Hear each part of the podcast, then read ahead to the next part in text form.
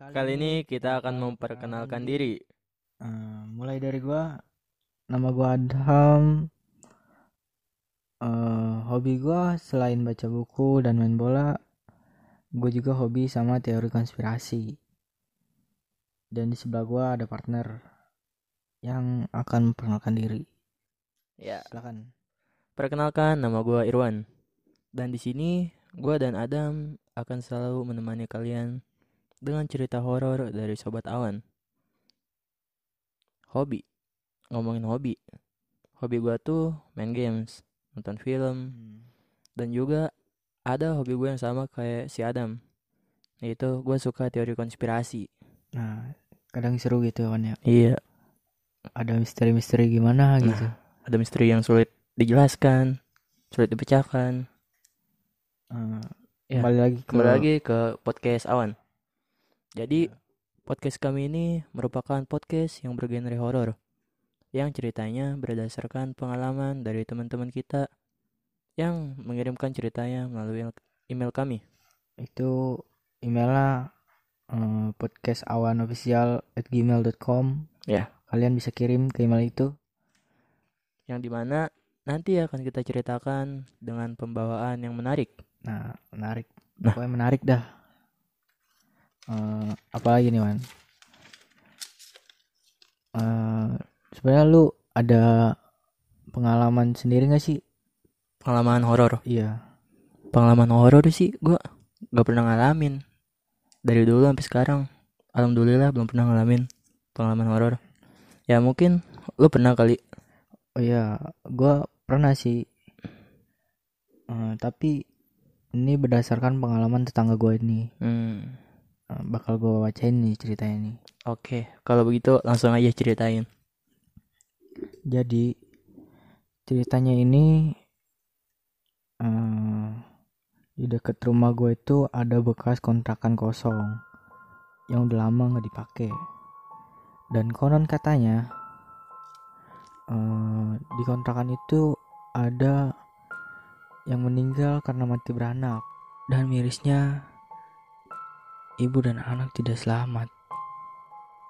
Singkat cerita, tetangga gue ini emang jahil orangnya. Sering banget bikin anak kecil nangis. Dan saat malam hari, tetangga gue ini mau ngambil jambu. Yang kebetulan pohon jambu itu ada di dekat kontrakan kosong. Saat dia mau metik jambu, tiba-tiba ia merasakan rambutnya seperti ada angin yang menerpanya. Dan tetangga gue noleh ke belakang. Lalu ia melihat rambut terurai panjang di hadapannya. Ia kaget dan terdiam membisu. Ternyata yang ia lihat adalah sosok kuntilanak yang merupakan hantu di kontrakan kosong itu yang meninggal karena beranak. Keesokan harinya, ia pun jatuh sakit sebab kejadian semalam itu. Jadi gituan cerita yang tetangga gua alamin. Oh, jadi gitu dalam ceritanya. Oh iya. Ngomong-ngomong, lu percaya gak sih? Kalau habis ngeliat hantu atau setan tuh, pasti kebesokannya lu bakal meriangin. Apa mungkin lu pernah ngalamin, Dam? Percaya nggak percaya sih, gue pernah ngalamin juga soalnya. Tapi beda ceritanya. Kayak gimana tuh ceritanya? Hmm, jadi kejadiannya ini udah lama banget. Sekitar gua SD kelas 6. Saat gua sama temen gua naik sepeda, tiba-tiba ada batu yang nganjel ban itu, terus gua terjatuh. Dan kejadiannya itu siang hari. Karena gue emosi, gue ambil batunya, terus gue lempar. Dan secara nggak sadar saat gue ngelempar itu ternyata menuju ke arah kuburan. Jadi, lu ngelempar batu itu ke arah kuburan. iya percis ke kuburan Cina. Setelah kejadian itu keesokannya gue jatuh sakit. Seperti demam panas. Nggak berapa lama gue selesai berobat gue nonton TV kemudian di pojokan deket sebelah TV gue ngeliat sosok tanpa tangan kemudian kakinya cuma satu mau ngerayap ngedeketin gue Itu pas kejadian itu lu di rumah sendiri. itu gue di rumah sendiri dan gue nggak tahu nyokap gue ke mana. Eh, saat dia mau nyamperin gue otomatis gue nutup mata. Dan sekitar berapa menit gue buka mata setelah kejadian itu besoknya baru gue cerita ke orang tua gue bahwa gue ngeliat sosok perempuan serem tanpa tangan dan kaki yang mau nyamperin gue. Dan orang tua gue ini cerita ke tetangga gue menanyakan soal kuburan yang di dekat kampung itu ternyata tanggapan tetangga gue itu percis apa yang gue lihat gini kata tetangga gue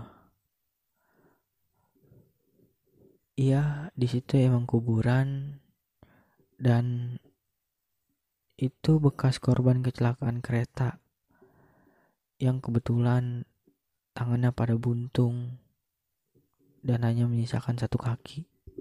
Apa jangan-jangan setan yang lu lihat di rumah lu itu itu yang Bener. men- kata tetangga lu? Iya, percis gue lihat kayak gitu. Tanpa tangan, pandangannya natap ke bawah. Dia ngesot dan cuma punya satu kaki. Di situ gue benar-benar kaget. Dan ya gue percaya. Berarti bener ya? Kalau habis ngelihat hantu atau setan tuh pasti kebesokannya bakal meriang. Iya, itu gue setujuin. Oh iya, Wan. ngebahas soal pandemi yang ada di dunia ini tentang virus corona. Gimana cara lu buat eh, mutus rantai virus ini? Ya buat mutus rantai virus ini kita bantu para dokter di luar sana yang berjuang melawan virus corona dengan tetap di rumah aja. Tetap stay at home. Jangan out home. Boleh keluar. Tapi buat kepentingan aja yang benar-benar penting.